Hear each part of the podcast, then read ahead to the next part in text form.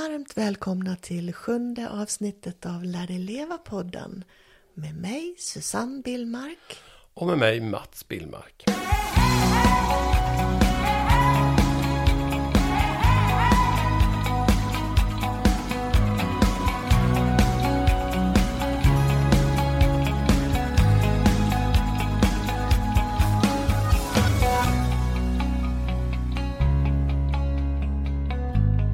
Idag ska vi prata om några av mina favoritämnen. Eller favorit och favorit, men Ja, kan man säga så? konstigt Vi uttryck. ska prata om ångest eh, och mediciner, något som ligger mig varmt om hjärtat och som jag tror att jag kan en hel del om.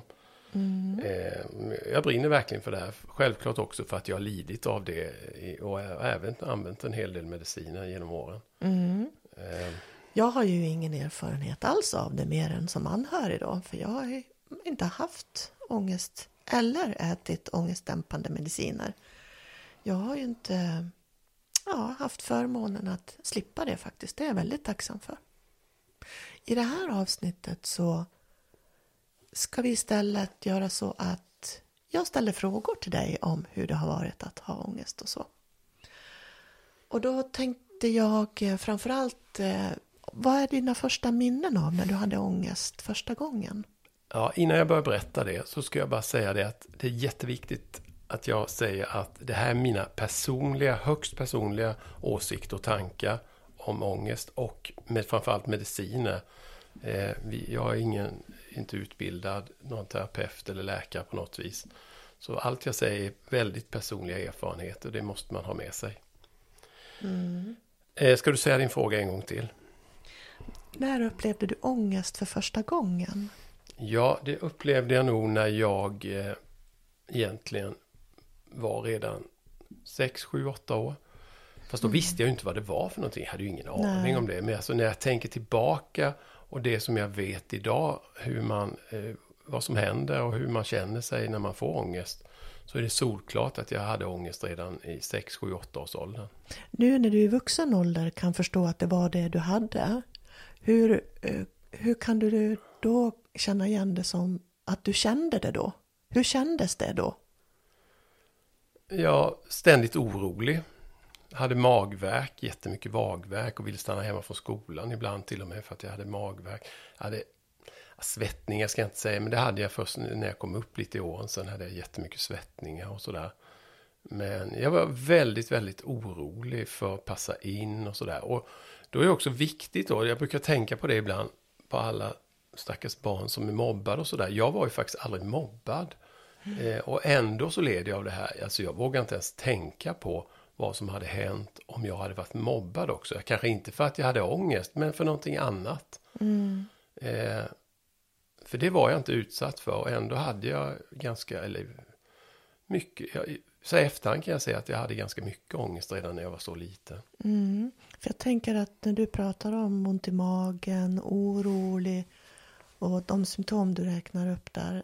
Det är ju också ganska vanligt bara för en vanlig tonåring. Men du tänker att du hade det ännu tidigare. Att du hade... Hur tidigt var det? Ja, men det sa jag precis. Ja, men... vad, vad sa du? Jag sa 6, 7, 8 års åldern kan jag nog eh, Ja, minnas att jag hade de här symptomen. ja, det var ju innan skolan till och med började. Mm. Ja, men det var ju liksom på lekskolan när jag skulle sova borta och sådär. Mm. Det funkade aldrig. Pappa fick komma och hämta mig jämt. Mm. Eh, jag har massa sådana historier när jag skulle sova hos kompisar på en husvagn på Öland när jag var. Det var innan jag började skolan, var säkert sex år. Men då fick han hämta mig sent på kvällen. Jag kunde inte somna och jag hade kramper i magen och allting. Var du orolig för att börja skolan? Nej, det kan jag inte minnas. Jag hade ganska många av mina kompisar i, eh, från där jag bodde då som kom i samma klass eller parallellklass. Nej, det kan jag inte känna att jag var orolig för att börja skolan alls. Hur var det att, att, vara i skolan med ångest? Fick du ångest i skolan någon gång? Ja, men det hade jag nog. Alltså jag kan också tänka sådär. Eh, ja, men absolut, det hade jag. På- jag, jag vill nog inte säga att jag hade panikångest. För det tror jag inte att jag hade. Eh, jag skulle nog vilja säga, nu, nu när man kan dela upp det i olika ångest i olika klasser eller grupper eller vad man nu säger. Så, eh, så tog, jag, jag är ganska säker på att jag, jag har någonting som heter generaliserad ångest. Och det är när man är orolig för allt möjligt. Ofta och nästan hela, inte hela tiden. Men man är väldigt orolig för små saker hit och dit. Och, eh, och så vill jag nog säga att jag upplevde. Inte de där fasansfulla panikångest som jag haft senare i livet. Det hade jag nog inte. Men ja, allmänt orolig för det mesta. Det var det största symptomen. Ja. Du kände dig inte trygg. Nej, och jag hade var, ingen tillit. nej, och jag var också rädd för att det skulle hända saker. Och, Var det dålig självkänsla? Dåligt nej, självförtroende? men alltså jag tror jag, jag tror jag berättat den här historien. Jag tror inte jag berättat den i podden någon gång. Men eh, jag vet att jag hade en sån där grej. Alltså, nu, nu kallar man ju det hälsoångest idag. Mm. Eh, vad är det kallas annars? Ja, psykisk ohälsa. Ja, men jag tänker just hälsoångest har ett annat namn. Jaha. Nej, jag vet inte vad du tänker på. Hypokondriker. Jaha. Nej, men jag, jag har minnen eh, när jag satt och åkte med min pappa och hans lastbil. Och det här gjorde jag jättemycket och jättemycket i smyg. Då var jag säkert inte min 6-7 år. Det var att jag satt och kollade mitt hjärta. Jag smög upp handen under t-shirten innanför jackan. Alltså säkert hundra gånger eller om dagen. Eh, för att kolla så hjärtat slog. För jag var rädd att hjärtat skulle stanna och att jag skulle dö. Och det är ju inte normalt att en 6-7-åring håller på känner Nej, efter. Det är en tidig döds, dödsångest. Ja, faktiskt är det. Vad tror du det kommer ifrån? Vet inte. Kan ha sett något på tv eller någonting. Som, som också då. Det kan ha varit någonting man nämnde om detta eller någonting jag hört någonstans. Kanske när jag var liten så kopplade jag ihop det. Men du berättade aldrig det för din mamma eller pappa? Nej, och jag vet också en annan grej som, som hände också när jag var liten. Det var att min pappa sa, ja, någon faste, någon gammal faste till honom hade dött, eller fastes man hade dött. För han hade rivit hål på ett födelsemärke. Han råkade komma åt med nageln på ett födelsemärke. Och sen dog han två dagar senare. Och det är också en sån där noja jag hade när jag var liten. Att jag var livrädd för att liksom Alltså, förstår du, nästan tvätta mig hårt eller tvåla in mig hårt för jag hade några små födelsemärken på armen.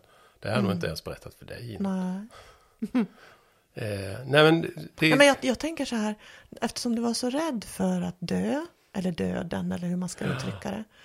Det borde ju ha hänt någonting. Och då tänker jag också, vad, vad otroligt sorgligt att du inte vågar säga det till dina föräldrar, att du var rädd för döden. nej men jag var, vet, Att du att... inte undersökte det mer och frågade dem mer Ja, om det det. och så. gjorde man inte. Jag, jag skämdes nog för det tror jag. Mm. Jag vet att pappa någon gång sa, just när vi var ute och åkte lastbil med honom, så sa han, vad, vad är det, varför har du handen innanför för tröjan eller t-shirten? Så Mm. ofta sådär, sa han. Nej, jag bara kollar en grej, sa jag då. Eller jag ska bara känna efter en grej. Mm. Sen sa jag aldrig mer. Okej. Men det är nog de tidigaste erfarenheterna jag har av ångest. Hur, hur tedde sig ångesten när du växte upp sen då? Som typ när du kom i tonåren och sen ung vuxen i 20. Hur utvecklade sig ångesten under de här åren? Ja, men det fortsatte nog på samma sätt ungefär. det eskalerade inte eller? Nej, eh, alltså jag hade ju svårt kanske så. Jag brukar tänka så här. Jag tror att jag kunde haft mycket, mycket bättre betyg i skolan.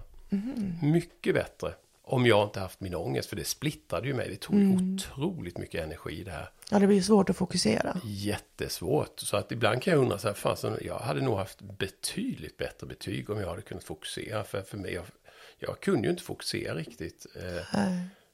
Ibland kunde jag väl det, men, men jag, jag var ju så jävla orolig hela tiden alltså. Och, och då kan man säga, var kommer det här ifrån som du var inne på? Jo, dels är det ju som jag nämnt tidigare i podden genetiskt. Jag har ju en pappa som har haft ångest hela sitt liv och gått på tunga mediciner. Och en farmor som också har gjort samma resa.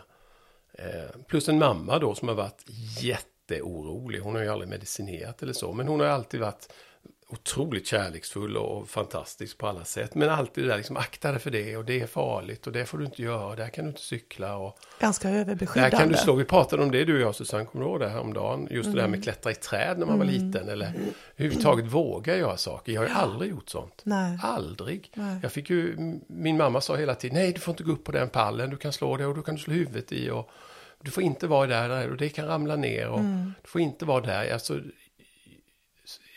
jag tror att hon även bidrog mycket, det är hemskt att säga så, men det brukar ju du säga, för jag skyller ju ofta på min pappa, att jag haft de här symptomen. Men eh, jag tror att mycket kommer från min mamma också. Man kanske skulle kunna säga att genetiskt kommer det från din pappas sida men beteendemässigt från din mammas. Ja, jag tror faktiskt att du har ganska rätt i det. Men jag tänker, jag tänker också på att vi kanske ska berätta då att du är det yngsta barnet av tre. Absolut. Och dina äldre syskon, syster och din bror, de hade ju flyttat hemifrån ganska tidigt. Ja, de är så pass mycket äldre än mig. Så kanske fanns det också en rädsla från din mammas sida att eh, vara extra försiktig med dig. Ditt, det sista barn hon hade hemma på kan något mycket sätt. väl vara så. Och brukar, man brukar ju säga att är det ett sladdbarn eller ett, ett Mm. så den sista så kanske man blir lite mer överbeskyddad. Jag vet Mm. inte. Men, men så var det. Eh, Och det har Mm. säkert, eh, du frågade liksom, ja, hur, hur visade det sig när jag växte upp sen? Mm. Ja, men ja, det var ju så här hela resan egentligen. Jag tänker, du, du sa så att du, ångesten har visat sig att du var väldigt orolig för saker. Och när du var sex sju år så var du orolig för att till exempel att ditt hjärta skulle stanna. Vad var det du var orolig för i tonåren? Alltså jag ju också, just det där med passa in. Jag var ju väldigt, väldigt lång och växte ju snabbt eh, eh, just i tonåren. Jag blev väldigt lång. Och det var också någonting jag var orolig för att inte passa in. Jag var också, också väldigt rädd för, i och med att jag, var, jag växte så otroligt snabbt. Alltså jag var väl, jag tror jag var 1,90 när jag gick i sjuan typ. Eh, och jag var livrädd, för jag vet när vi var hos sjuksköterskan, eller skolsköterskan, så kunde hon säga att "Ah, Mats, nu har du växt- i 12 centimeter eller 9 centimeter det här året och det var växtverk och allt möjligt. Men då var ju jag rädd för att, tänk, men tänk om jag växer till jag är 18-19 år, då blir jag 2,25, förstår du vad jag menar? Det var ju, det var ju liksom en skräck liksom. Sen slutade jag ju som tur var växa, så jag blev ju 1,93. Men när man var så lång så tidigt så skulle man ju lika väl kunna bli 2,10 liksom. Och det var, och det har jag också haft med mig, det vet ju du, vi har pratat mycket om det, att jag har haft mycket komplex för min längd. Fast jag inte blev mer än 1,93 och inte borde haft komplex, så sitter det i sen jag kände mig så oerhört lång när jag gick i skolan. Men jag var ändå inte, var, jag var liksom inte mobbad. Det här, jag borde ju varit mobbad. För så är det ju, stackars barn som sticker ut. Är man lite för tjock eller lite för lång eller för kort. Då är det risk att man åker dit. Eh, men det gjorde jag inte. Eh, men också kanske för att jag var en ledartyp i skolan. Jag var, jag tog för mig och var, och var ju en rolig jävel om man nu får säga så. Ja, men jag var ju... Jag Du var, ju- företagsam också. Ja, men det var jag ju. Jag var otroligt företagsam och var satt som elevkårsordförande och sådär i högstadiet. Eh, men jag, det blev ju liksom en slags ventil också att jag var lite, inte kaxig för jag har alltid varit trevlig människa.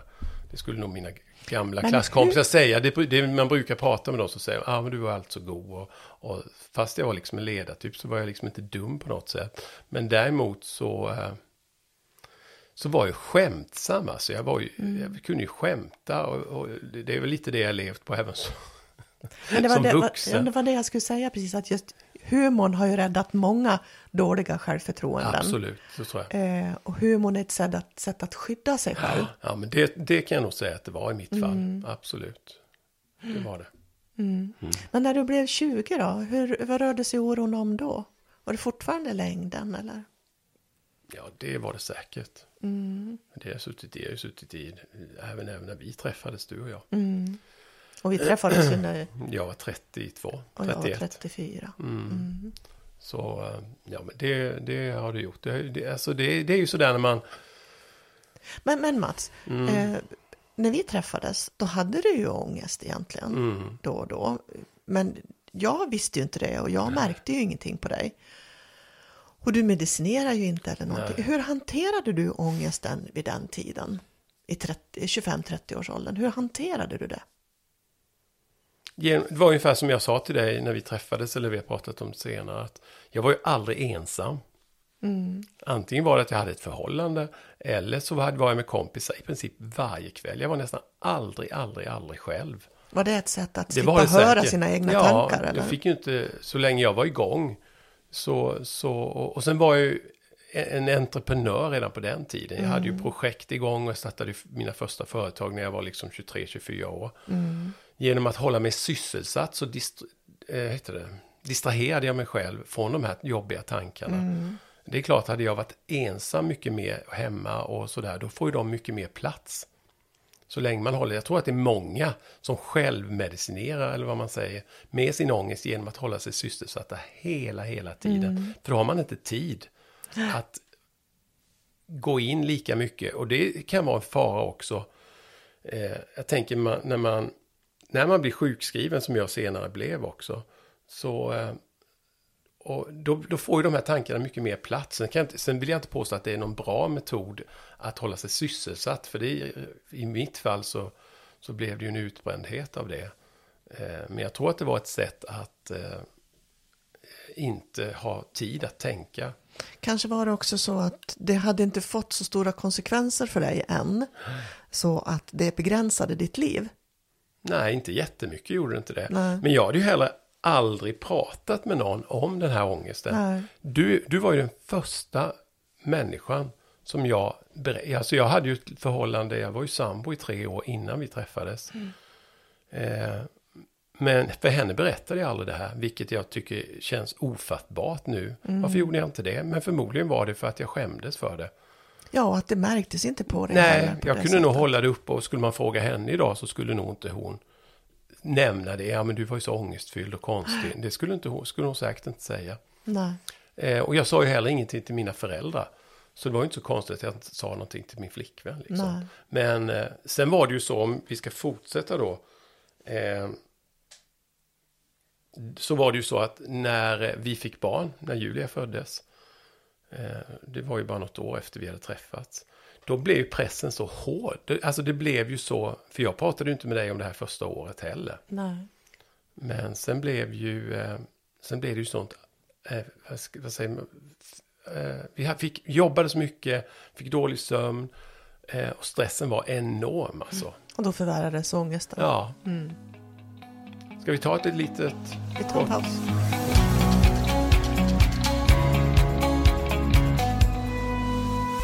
Eh, vi är sponsrade utav Bokmark förlag.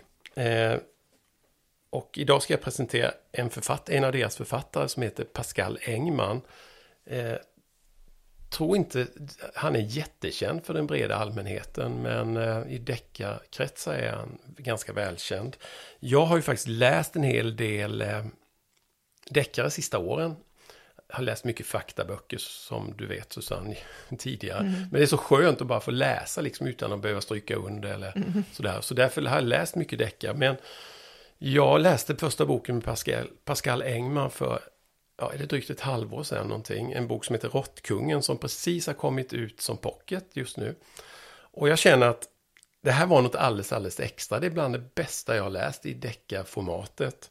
Eh, det är väldigt skrivit väldigt samhällsengagerade deckare. Och han är en mästare på att hålla spänningen.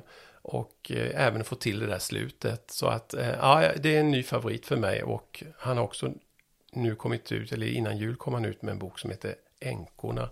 Men två böcker där som jag kan rekommendera med honom. Råttkungen och Änkorna. Mm. Vi är också sponsrade av eh, barnsmat.se barnsmart.se det är en e-handel med produkter som stärker barn på insidan. Fantastiskt fina produkter. Främst så har de böcker som på ett väldigt roligt och pedagogiskt sätt lär barn viktiga saker som kunskap, värdegrund, kompisskap och mindfulness. Så nästa gång ni ska ha barnkalas eller en present till något litet barn, gå gärna in på barnsmart.se och kika på deras fina saker. Då Mats så kommer då nästa fråga. När kom du första gången i kontakt med ångestdämpande mediciner? Eh, det var ju så här att eh, detta var ju något år efter, innan reklampausen där så pratade vi om att eh, det här eskalerade när vi blev småbarnsföräldrar och jobbade. Vi hade flera företag igång och det blev liksom för mycket av allting. Och då började jag berätta för dig och du hade ju ingen, du visste ju knappt vad ångest var för någonting. Nej. Jag berättade ju om hur jag kände mig och, eh, och eh, alltså alla de här konstiga tankarna jag kunde ha, oroliga tankarna och sådär. Eh, så men jag vill också säga att du har ju varit otroligt förstående hela tiden. Och det, ja, men det, det vet du att jag är otroligt tacksam för. Du har ju alltid velat hjälpa mig genom alla kriser som vi har haft. Eh, men det var väl också så att jag kom till, kom till eh, jag fick gå i kognitiv beteendeterapi hos en terapeut i Kalmar. Eh, och jag var ju så speedad och eh, både stressad och ångestfylld och då hade jag också börjat få panikångest. Jag fick ju, och vad är panikångest kan man ju fråga då. Jo, det är ju när vanlig oro eskalerar och du börjar få riktigt jättemycket sy eller, kroppsliga symptom. Alltså det, det, finns ju grad av panikångest. Men... Vad kan hända med kroppen då? Vad kände ja, du? Allt möjligt. Det, du får ju jag kommer ihåg att du hade domningar i armarna. Ja, det hade jag. Domningar i armarna, skakningar, mm. kraftiga svettningar. Eh, hjärtat slår fem dubbla slag. Och, Yrsel kanske? Ja, det också. Och, och en sån panikattack den kan ju vara allt från en halv minut till fem minuter. Men de går ju alltid över. Det är det man måste mm. lära sig. De mm. går ju alltid över. Eh, de är inte farliga. Man Nej, dör det är de inte, inte av och Det är dem. lätt att tro när man får en riktig hemsk panikattack, ångestattack. Då känns det nästan som man håller på att dö. Alltså. Mm. Men det sker inte. Nej. Mm. Det var någon terapeut till mig. Det finns, aldrig någon, det finns ingen som har dött av en ångestattack. Nej. Men jag var i sånt dåligt skick när jag började gå i alla fall i, eh, i eh, kognitiv beteendeterapi. Så den terapeuten sa till mig, jag tror inte att du kommer klara att ta till dig den här terapin om inte vi, vi måste få, få dig liksom landa lite. Eh, för du är för speedad eh, och du är för orolig. Så att då föreslog han att jag skulle börja äta antidepressiva mediciner. Och det var ju jag givetvis emot och jag har en pappa som har ätit någonting som heter eh, bensodiazepiner. Eh, alltså det, det är ju ångestdämpande och det är, det är inte alla lyssnare kanske som vet vad skillnaden är. Så om jag ska bara ta det kort då så är, mm. så är ju eh, bensodiazepiner, heter mm. det så? Benzo brukar man alltid säga kort. Eh, ja men det är ju narkotikaklassad medicin som man ofta ska man ska helst inte äta det mer än två, tre veckor. Alltså. Eh, de är väldigt, väldigt beroendeframkallande. Kan man inte också ta en benzo sådär bara vid enstaka tillfällen? Jo, jo absolut. Mm. Det är Som lugnande? Det är eller? farligt. Ja, men ofta får man det kanske när nära anhöriga gått bort och man mm. har fullständig panik eller mm. man behöver äta det under en kortare period. Mm. Eh, men min pappa åt ju det här under 50-60 års tid. Ja. Eh, och det är tunga mediciner. Sen finns det många som äter dem och känner att man inte har något annat val än man måste göra det. Och det, det, det måste man respektera. Men det är tunga mediciner som är otroligt svåra att komma ifrån när man börjar äta, har ätit dem för länge.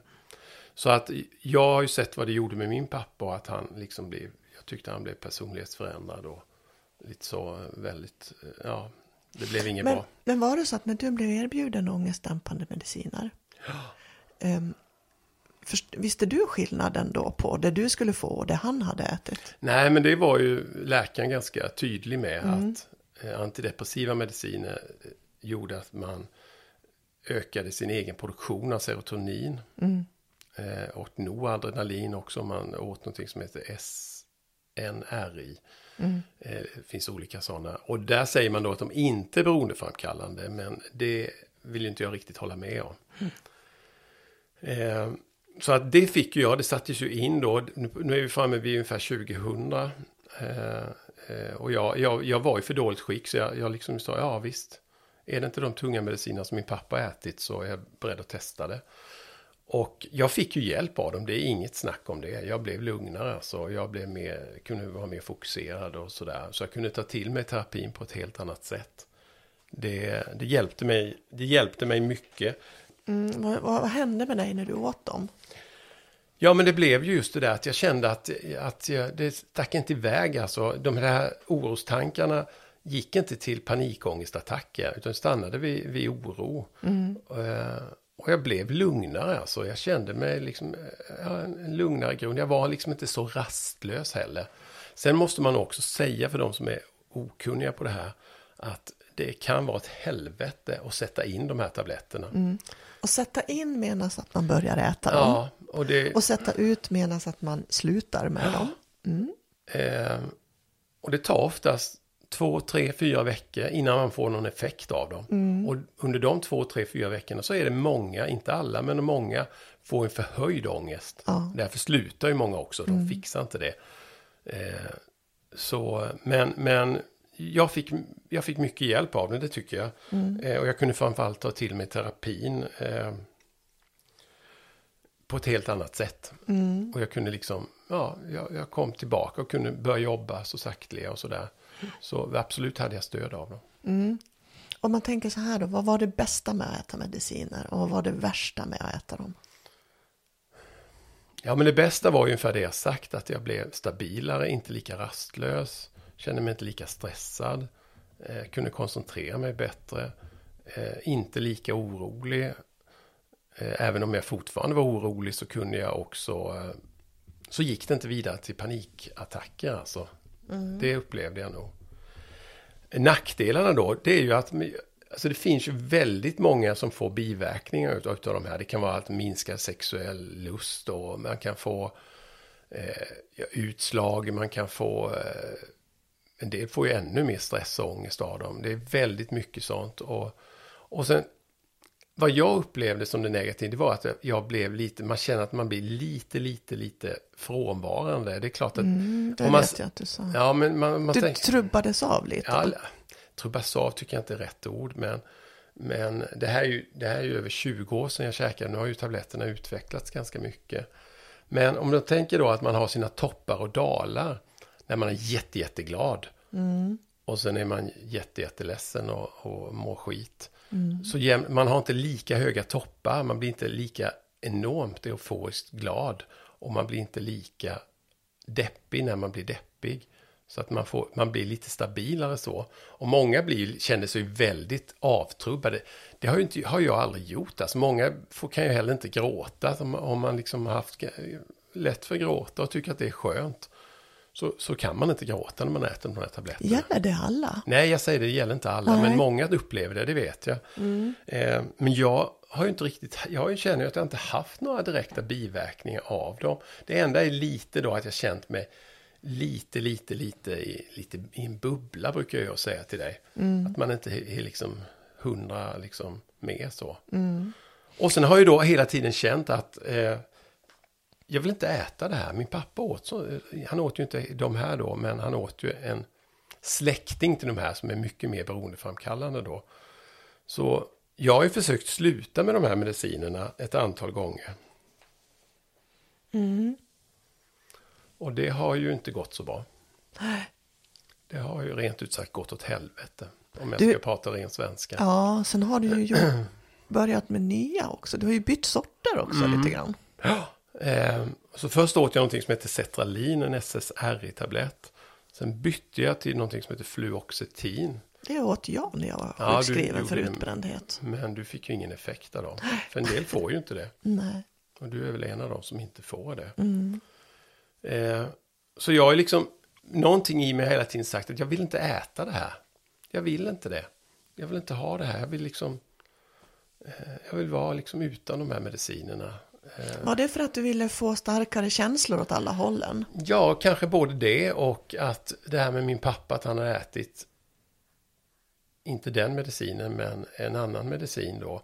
Men, men kanske just det här känslomässiga då. Och eh, sen har ju jag slutat ett antal gånger. Sista försöket var ju faktiskt för nästan exakt ett år sedan. Vi var i Indien, du och jag. Och vi träffade en ayurvedisk eh, läkare. Ska du berätta kanske vad ayurvedisk är för någonting? Ja, ayurveda är ju en medicinsk eh, lära kan man säga inom läkekonsten i Indien som jag, jag tror att alla läkare där eh, hanterar.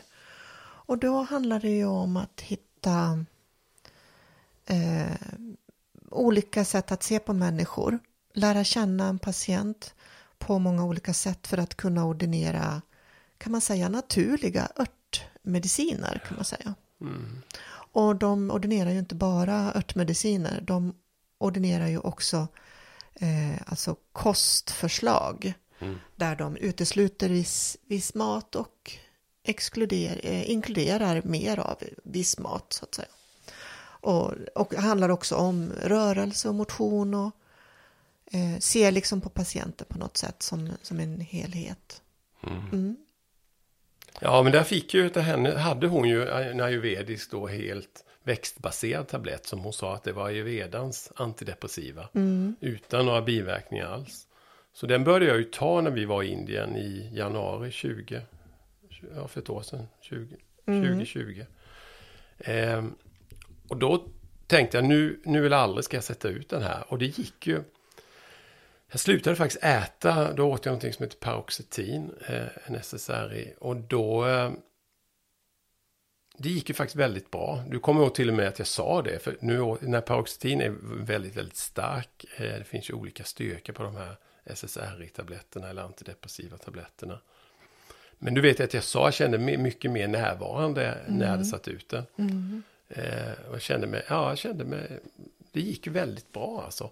Men sen så, så fick jag ju massa utsättningssymptom när jag kom hem sen. Mm. Jag, blev, jag var ju otroligt irriterad alltså. Det är också ett typiskt symptom när man sätter ut de här tabletterna. Så att säga att, att de är inte är beroendeframkallande, det håller inte jag med om. Nu har jag ätit dem i så många år, i så många omgångar då. Så, eh, nej men jag, jag mådde ju jätte, jätte då. Jag blev ju bara sämre och sämre. Och sämst mådde jag egentligen efter fyra månader. Då tänker man att då borde det ha gått ur kroppen, men det hade det inte gjort. Eh, jag var ju jättedålig då. Och sen blev det ihopkopplat med min rygg också. Jag tror faktiskt att kan också det som har framkallat att jag fick mer ont i ryggen. För jag blir så jäkla speedad alltså utan de här tabletterna. Du spände väl kroppen Jag och du fick spände ont i och blev ryggen nervös. också. Och, och inte alls det här grundlugnet som jag känner annars. Mm. Eh, så att förra sommaren där i, eh, ja nästan exakt ett år sedan, maj, juni, det var ingen rolig historia alltså. Inte för dig heller som medberoende. Och så blev du rädd för att röra dig, Ja. sitta. Och Ja. Du fick mer ont kanske än vad du egentligen hade. Kanske. Säkert. Så att eh, då testade de en och satte in en medicin som heter SNRI som är både serotonin och noradrenalinupptagare. Eh, som jag inte hade ätit innan, som inte är lika stark heller. Jag ska också berätta en historia eh, som är väldigt intressant. Eh, när jag, vi var ute och föreläste hösten 2019 var jag ute och föreläste. Då var jag, var jag i Växjö bland annat och pratade mycket om min ångest och medicin och sådär. Och då drog jag en historia för publiken då om att jag, min, det som jag sa innan, att eh, min läkare eller min terapeut hade sagt att du kommer aldrig fixa det här om du inte, det kommer inte fixa terapin om du inte sätter in eh, S, eller en antidepressiv medicin. Och antidepressiv medicin och SSRI är samma sak, så ni förstår vad jag, vad jag är ute, eller när jag pratar om det. Eh, och det stod jag på scenen och sa att jag, liksom, lä- läkaren sa, du kommer aldrig fixa din ångest om du inte sätter in en tablett. Vilket var helt felaktigt av mig och jag ångrade grovt att jag sa så, hade det i min föreläsning. För att vad som hände då, jag vet inte om du kommer ihåg det, det var ju att en mamma och en dotter reste sig för publiken och nästan sprang ut ur, ur eh, den här, det var ju deras konsertarena i, i Växjö. Eh, och jag tänkte att hon hade blivit sjuk. Man blir ju alltid sådär när man står på scen och någon går tidigt från en föreläsning. Då börjar man ju direkt, eh, på tal om oro, tänka, var jag så dålig så de inte ville vara kvar eller, eh, eller så. Då fick jag ett mejl dagen efter att hon, den här tjejen hade verkligen, verkligen, hon hade jättemycket ångest, men hon hade bestämt sig för att klara det utan att sätta in några tabletter. Vilket är otroligt hedersamt, för det är det absolut bästa. Tabletter är inte den bästa lösningen, långt därifrån. Eh, och hon blev liksom nedtryckt i skorna, för hon uppfattade att jag sa att man kunde inte klara sin ångest utan tabletter. Och det kan man verkligen, verkligen, verkligen göra. Eh, det är viktigt, viktigt att säga det, att mängder av människor som har svår ångest klarar det utan att sätta in några mediciner. Egentligen så är det lite sorgligt med de här medicinerna för att medicin, det, det finns ju olika sorter såklart, men samtidigt så är det ju, det är ju människor vi pratar om och alla människor är olika. Och egentligen skulle ju alla kanske behöva sin egen speciella SSRI-cocktail, om man nu får uttrycka sig så. Eh, och då är det nästan konstigt att massor med människor ska äta samma tablett. Egentligen. Ja, eller liknande kan man ju säga. Ja, men det är ju många tusentals som äter samma tabletter. Mm. Nej, men jag vet att jag mejlade tillbaka sen till henne och bad verkligen om ursäkt att jag hade sagt så. För man kan visst klara av ångest utan Mm. mediciner. Visst, och sen är det ett bra hjälpmedel för de som inte gör det. Jag, jag skulle vilja veta vad under den här resan med, med den här ångest och panikattacker som du har haft. Vad är den absolut, vad kan du summera, vad är den absolut bästa hjälpen du har fått? Mediciner eller av människor eller läkare eller psykologer eller? Ja, det ska jag berätta. För jag ska också avsluta det jag sa innan jag började berätta om, om den här händelsen i Växjö. Eh, att jag satte ut tabletten då för ett år sedan. Eh, men det gick ju inte, jag fixade inte det. Och det kan också bero på att jag hade ätit den för länge. Eller så stod jag inte ut med ångesten. Hade jag stått ut med den några månader till eller något halvår till. Då kanske jag hade fixat att slippa de här tabletterna. Men jag gjorde inte det. Det var också en kombination med svår ryggvärk som jag fick då. Och det kanske också var för att jag blev spänd och nervös och orolig. Eh, Så då satte jag in en, en tablett som heter SNRI då, som också är en antidepressiv tablett. Och den äter jag nu fortfarande. Och jag kommer äta den, tror jag resten av, eller tror jag nästan lovat, både mig själv och dig, att jag ska göra det. Men jag hoppas, jag äter inte en speciell hög dos, men jag kanske drar ner den lite grann så. Men jag har ju inte speciellt mycket biverkningar, så för mig är det inte, men många har ju jättemycket svåra biverkningar. Eh, Så det är väldigt, väldigt som du säger, eh, olika och det är väldigt personligt hur man upplever det här. Och jag mår ju mycket bättre när jag har tabletten i kroppen. Eh, Det kan ju du om, om någon intyga. Vilka biverkningar har du nu av den du äter nu? Ja, men jag har ju inga, jag känner ju inte att jag har något. Det kanske är, inte är, jag kanske har lite, lite svårt att, eh, jag vet inte, att vara närvarande. Jag kan ibland känna så. Fast jag tycker ändå att jag är det. Men det övar du mycket på. Ja, jag övar ju mycket. Jag mediterar ju och jag gör mm, närvaroövningar och sådär. Så att, men sen finns det ändå en sorg i mig att jag ska behöva äta den här tabletten. Det gör det, det kommer alltid finnas det. För jag känner att fan, jag ska fixa det ändå. Men jag vet vad som hände för mig då när jag satt ut det. Eh, Eh, och ska jag sätta ut eh, eller ta ner den, sätta ut kommer jag aldrig göra. Men jag ska plocka ner dosen eh, en del, vilket jag hoppas kunna göra på sikt.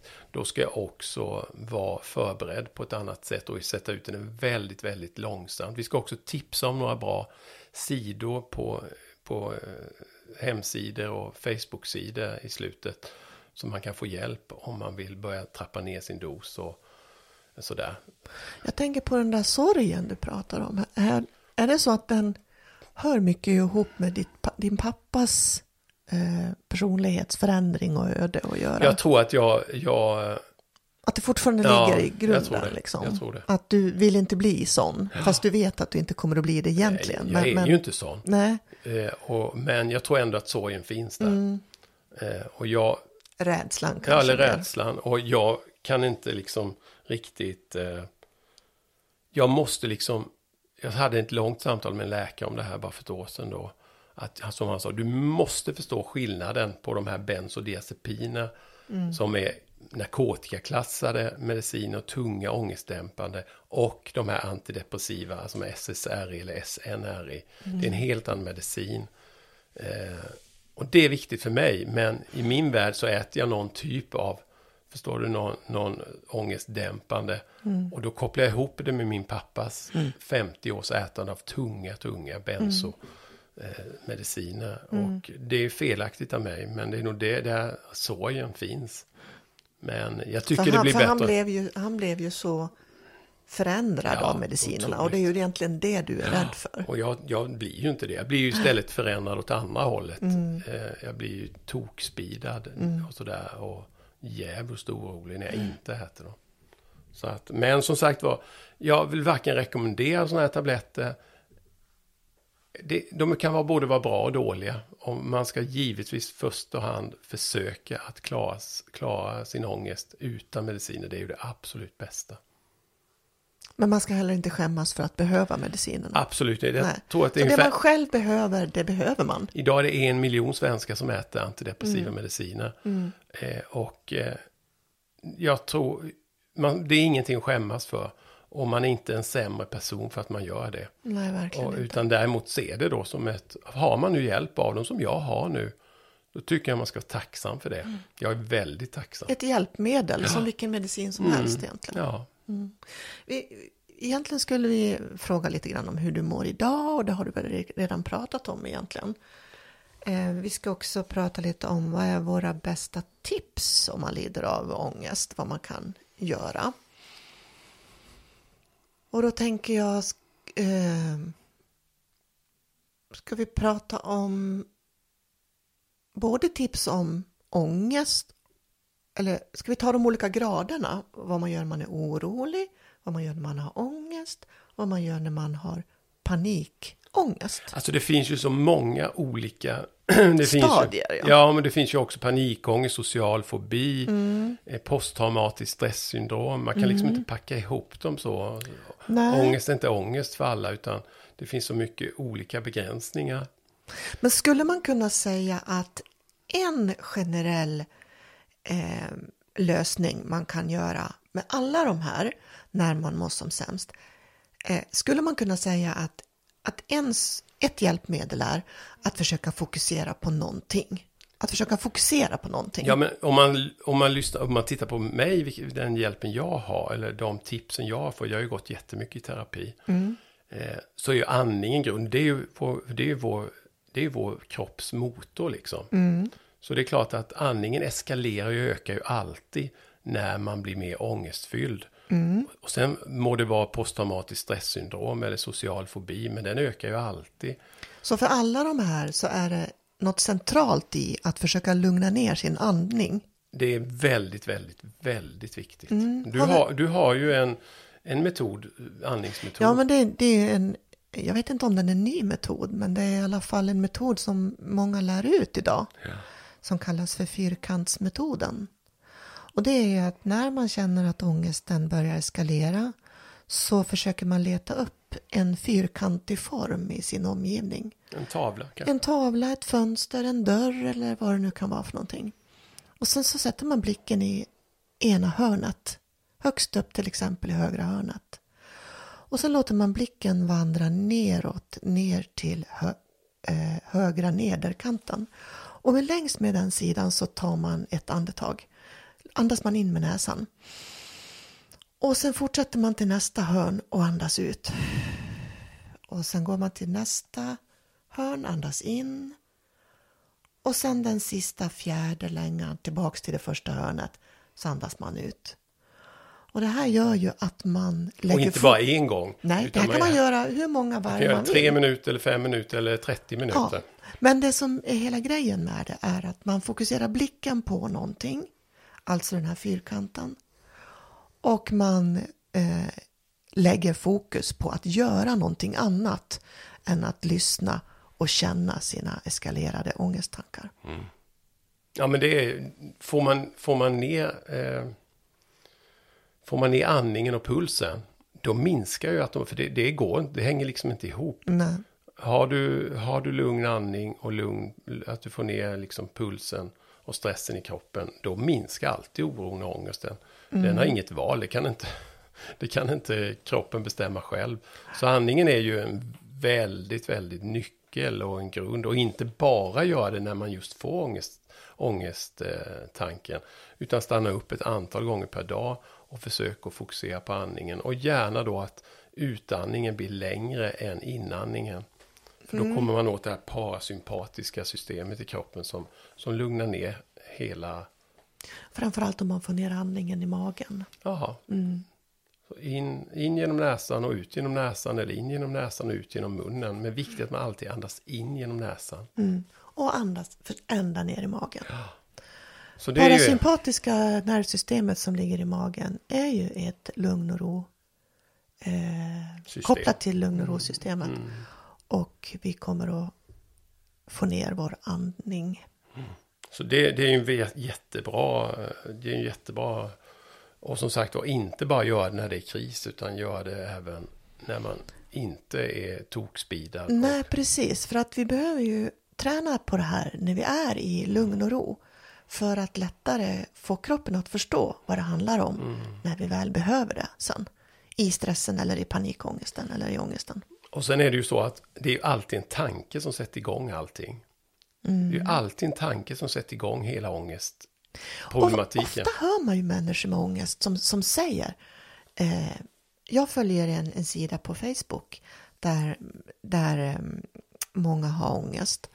Och där får jag ofta läsa att jag vet inte vad som sätter igång det. Igår kväll hade jag sån ångest, jag förstår inte varför den kom. Det hör man ofta människor säger att de, de förstår inte vad det är som triggar igång det. Det kan ju vara så. Fast men kan det vara så att det är en tanke men de är inte medvetna om den? Oftast tror jag det är det. Eller en situation eller kanske bara en doft eller ja. en bild på tv mm. man ser. Eller? Ja, som man inte är medveten Man om. är inte medveten om att det är just den bilden som triggar. Men ofta, oftast är det ju då en tanke som någonting man inbillar sig ska hända med en mm. själv eller någonting med ens omgivning. Och det ligger ju alltid i framtiden. Mm. Eller är det någonting som man har varit med om, som man har dåligt samvete för, eller någonting som man har gjort. Känner skuld känner för. skuld för. Som, så att det är just det där man brukar säga, ja, när man är närvarande här och nu, då kan man inte känna ångest, oro och ångesttankar. Mm. Och det ligger mycket i det, men sen är ju då, det finns ju inget svårare än att vara här och nu. För våra tankar vill ju hela tiden spreta åt framtiden eller, eller det som har varit tidigare. Och sen är det ju också så när vi säger att man ska försöka fokusera på något annat. Det kan man ju bara göra i nuet. Man kan, man kan ju liksom inte agera om man bara går och ältar någonting som eventuellt ska hända. För det kan man ju inte göra något åt, för det har inte hänt än. Liksom. Och det, då fick jag lära min terapeut att säga just det där mantrat. Det är bara, det är bara kan jag ska säga, det är en tanke. Den har ingenting med verkligheten att göra. Eh, så att man måste förstå det. Att det är någonting som pågår där uppe i huvudet. Som, som ställer till hela den här jävla problematiken för oss. Eh, och det är bara en tanke. Den har ingenting med verkligheten att göra. Mm.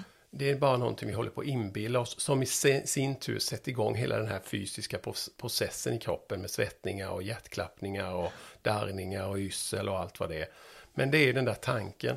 Eh, så att jag fick ju jättemycket träna då när jag gick kognitiv beteendeterapi och säga det är bara en tanke, släpp tanken.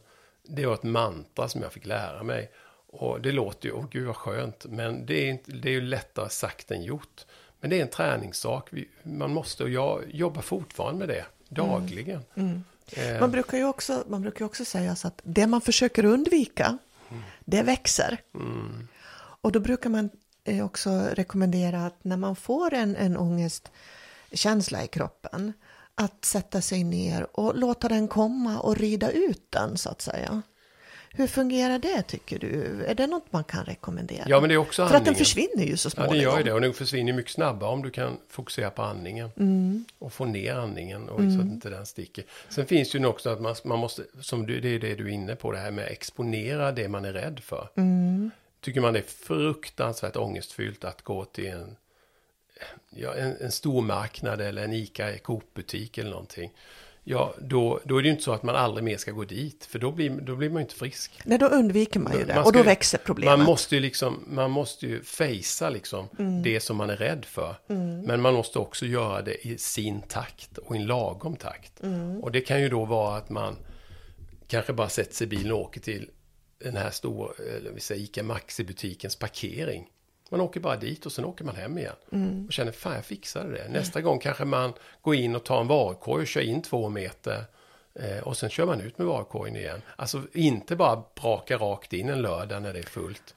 Utan lite, lite steg för steg. Steg för steg och känna att Närma man fixar sig. det. Nej, och sen också jättebra om man kan ha en, en vän eller en partner eller en förälder med sig. Mm. Som stöd.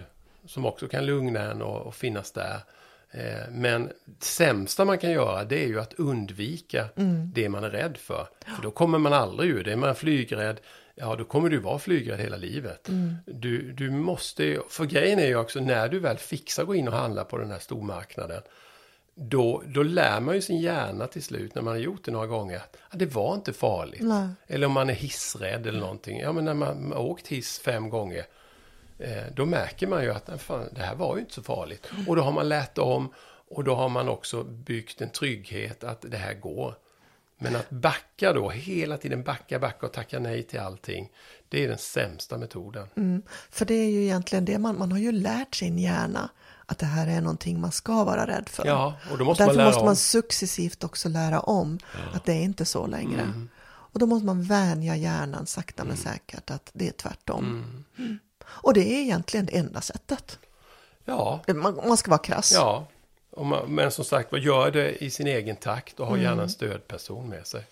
Och sen kan man ju också, vad kan man mer göra? Ja, träning, det vet man ju alltid att det är bra. Det, det gör ju att vi minskar stress och oroshormoner om vi är ute och springer eller kör ett gympass eller om vi är ute och, och promenerar i lite rask takt varje dag och sådär.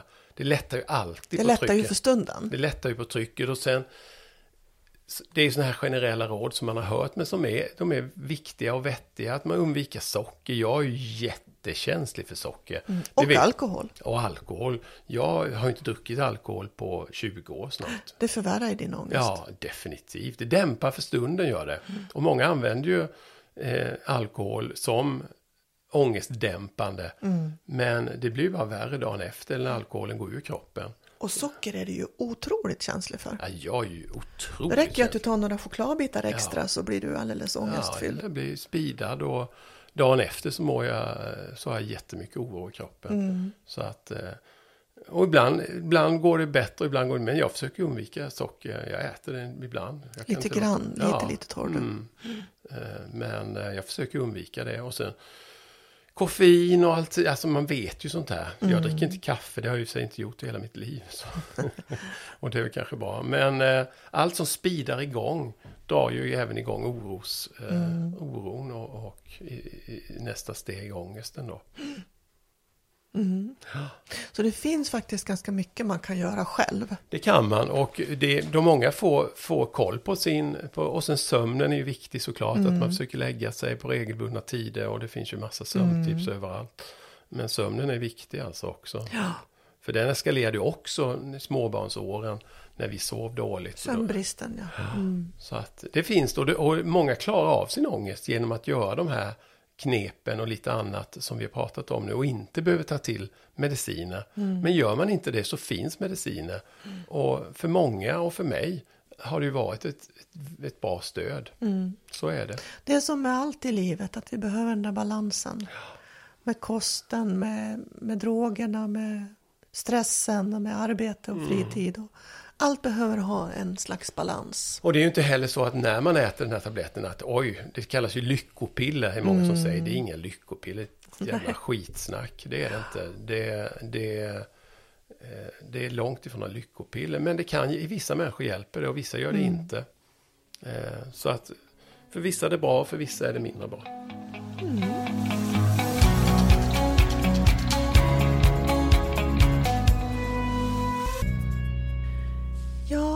tror att vi har avhandlat allting som har med ångest som vi kan känna eh, vi kan och vi kan prata om och vi kan tipsa om och så.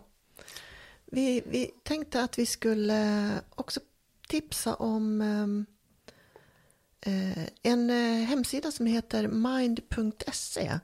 De jobbar aktivt med att förebygga psykisk ohälsa och självmord. Eh, På Facebook finns det många stödgrupper för nedtrappning av psykofarmaka om man behöver hjälp. Den heter just så, där man kan ansöka om den. Det är en jättebra grupp, den vill jag verkligen rekommendera. Stödgrupp för nedtrappning av psykofarmaka hittar ni på Facebook. Den här Facebook-sidan som jag nämnde den heter Tillsammans är vi starkast. Och där får man då ansöka om att få komma in. Det är en sluten grupp och de som ja, håller till i gruppen hjälper och peppar varandra och stöttar varandra och så. En fin grupp tycker jag. Och vill ni höra av er om era erfarenheter sådär så, så finns vi alltid på... Ja. Ja, vad finns vi på? La... lar dig leva. Punkt. Vad är det nu eller kom? Se. Men det gillar man. Den där eh, mejladressen är så ny. Nej, men vi har en hemsida hur eller hur som heter www.ladejleva.nu. Där finns även en e-mailadress. Så gå gärna in på vår hemsida www.ladejleva eller lärdejleva.nu. Där kan ni hitta en mailadress om ni vill ställa några Heter frågor. den inte lar dig leva snabela gmail.com? Så heter den nog. Mm. Tror det. Kan vara så. Annars hittar ni den på hemsidan. Ja, tack för idag. Jag hoppas att ni har fått något vettigt så att vi inte bara svamlat. Mm. Och, eh, men som sagt var, det här är mina personliga erfarenheter av ångest och medicin. Och det är inte säkert alls att det är så för alla, eller alla andra. Men eh, jag hoppas att jag kunnat bidra, eller vi har kunnat bidra med lite stöd och hjälp runt just ångest i kombination med mediciner bland annat. Mm. Så ja, vi kommer tillbaka om en månad ungefär. Vi kommer nog ha några intervjuer i sommar vi har planerat. Ja, det har vi. Mm, två stycken förhoppningsvis. Vi kommer att intervjua Silla som vi utlovade tidigare i vår, men henne kommer vi ha med i sommar. Sen har vi ytterligare en hemlig gäst som ska berätta om lite spännande mm. saker. Mm. Så, men vi kommer tillbaka någon gång där i halva juni eller strax innan midsommar igen räknar vi med. Mm. Ha det så bra hörni allihopa och ta hand om er. Mm, var rädda om er så hörs vi snart igen. Hej då! Hej.